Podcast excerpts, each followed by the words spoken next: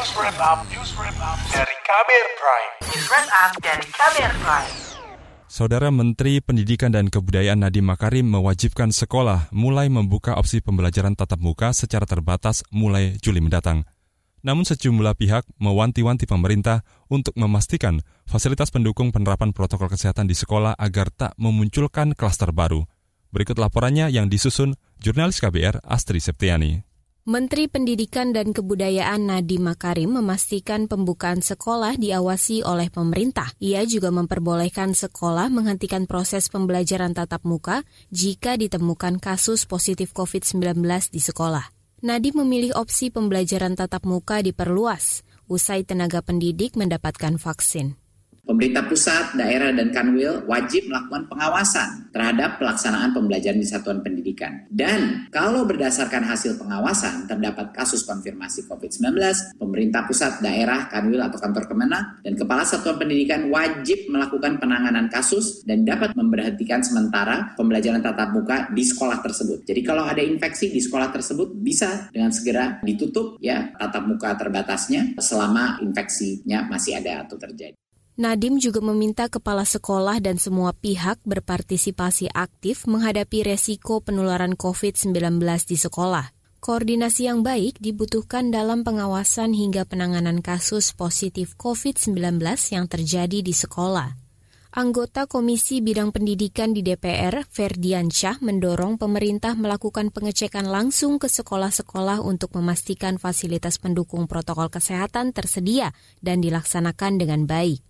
Kemudian pemerintah daerah juga harus melakukan pengawasan ke sekolah yang siap melakukan pembelajaran tatap muka. Dicek persiapan gimana. Ada nggak tempat cuci tangannya? Sudah nggak kesadaran masyarakatnya memakai masker? Sudahkah persekolahnya dipersiapkan untuk menjaga jarak misalnya satu kelasannya misalnya satu kelasannya maksimum 8 orang per hari dan sebagainya. Kemudian juga membantu penyiapan termasuk intervensi anggaran untuk sekolah yang belum siap melakukan pembelajaran tatap muka penyediaan tempat cuci tangan, kemudian juga masker. Kalau bagi orang-orang yang tidak mampu atau belum bisa menyiapkan maskernya secara mandiri.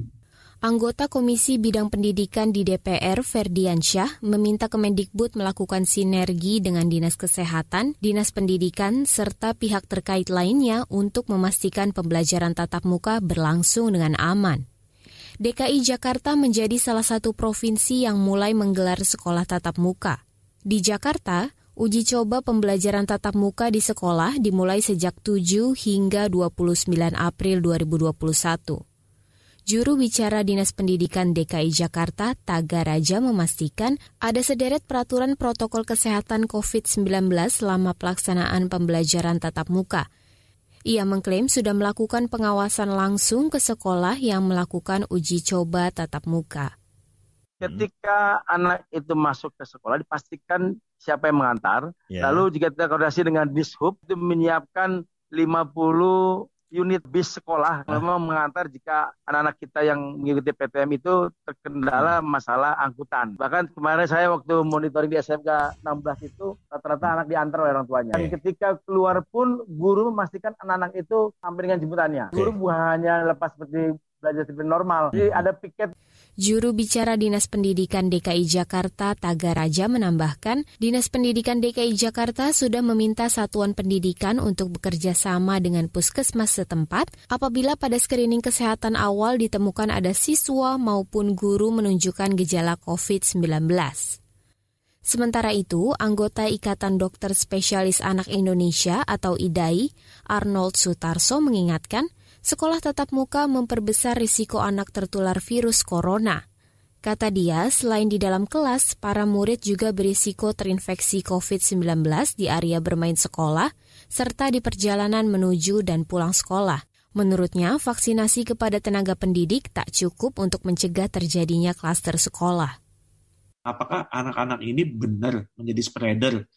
Kalau kita berkaca pada negara lain, seharusnya sih tidak. Kalau kita ngikutin ya, asal sekolahnya siap, yaitu tetap uh, pakai masker, jaga jarak, melakukan pemeriksaan tes, melakukan uh, proses desinfeksi berkala, dan tentunya ini juga menjadi hambatan uh, koordinasi sekolah dengan petugas kesehatan.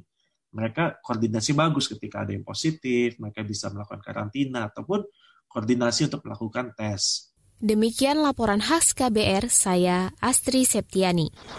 Kamu baru saja mendengarkan news wrap up dari KBR Prime. Dengarkan terus kbrprime.id, podcast for curious mind.